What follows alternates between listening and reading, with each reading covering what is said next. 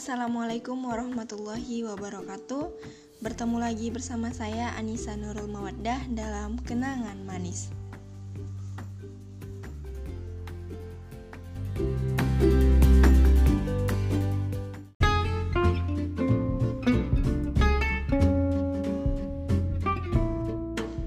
Oke, kita akan melanjutkan part 3 dari kisah anak kuliahan yang dikirim oleh sahabat kita Tasya Sridayanti. Wah, sepertinya dia ini lancar sekali ya melanjutkan part-part dari ceritanya ini. Dia tuh penuh excited gitu untuk ngelanjutin cerita dia. Assalamualaikum warahmatullahi wabarakatuh. Kembali lagi dengan saya Tasya Sridayanti. Nah, kita lanjutkan cerita kita ya. Oke. Okay. Besoknya kayak gitu lagi, aku jemput Nisa dulu baru berangkat ke kampus. Nah, sesampainya di kampus kami masuk mata kuliah. Selesai masuk, kami belum pulang. Kami berunding dulu untuk pemilihan organisasi kelas. Di situ voting suara.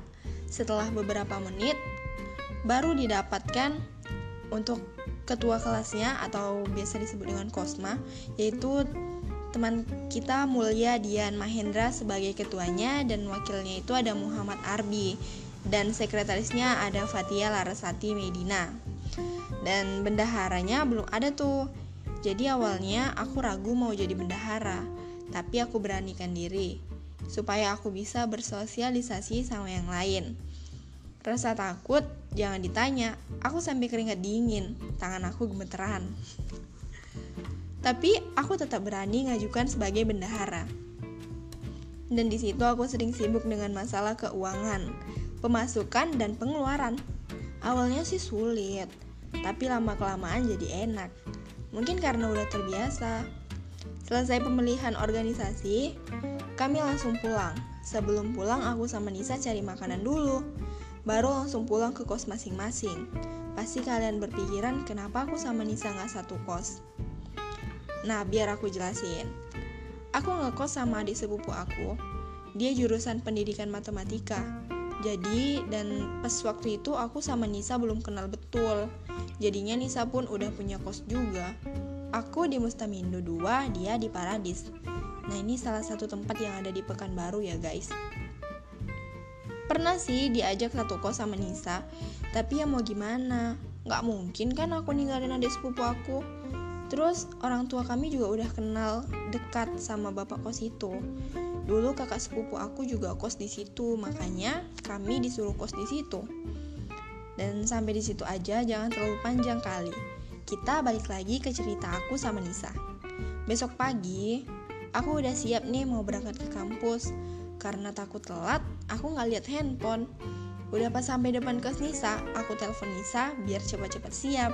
Hehehe maklum lah kalau nggak ditelepon dia tuh lama kali. Eh bohong ya guys aku nggak kayak gitu. Malah kadang tuh duluan aku daripada dia siapnya. Oke okay, next. Dan pas sampai depan kelas dia um, dia telepon aku. Pas nelpon malah dibilang sama Nisa kamu nggak lihat grup ya? Ya kan aku nggak tahu jadi aku nanya emangnya kenapa? Kan kata kosme kita hari ini nggak masuk.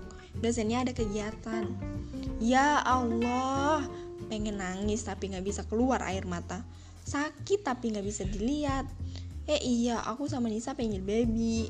Jadi aku sering nelpon ataupun chat sama dia panggil beb. Nah sampai sini dulu cerita kita hari ini. Sampai jumpa di part selanjutnya. See you next time Oke, jadi seperti itu part 3-nya Nggak terlalu panjang kayak part 2 semalam ya. Dan ya begitulah dia. Karena dia itu orangnya kok tidur susah bangun Dan kok udah bangun dia nggak tahu waktu nggak lihat-lihat handphone atau grup dulu Main mandi aja, main cantik-cantik aja. Eh ternyata kami libur nggak kuliah tapi dandanan dia tuh nggak sia-sia karena dia tuh bakal ngajak aku keluar untuk cari makan. Ya begitulah Tasya. Terima kasih udah berbagi cerita kamu. Dan apakah ada part selanjutnya? Nggak tahu kita tunggu aja oke? Okay? buat kalian yang pengen berbagi cerita bisa kirim DM ke Instagram kenangan manis di at kenangan underscore manis underscore podcast. Dan kalian juga bisa follow instagram pribadi aku di Anissa Nurul MWDH underscore. Terima kasih stay tune terus di kenangan manis. Wassalamualaikum warahmatullahi wabarakatuh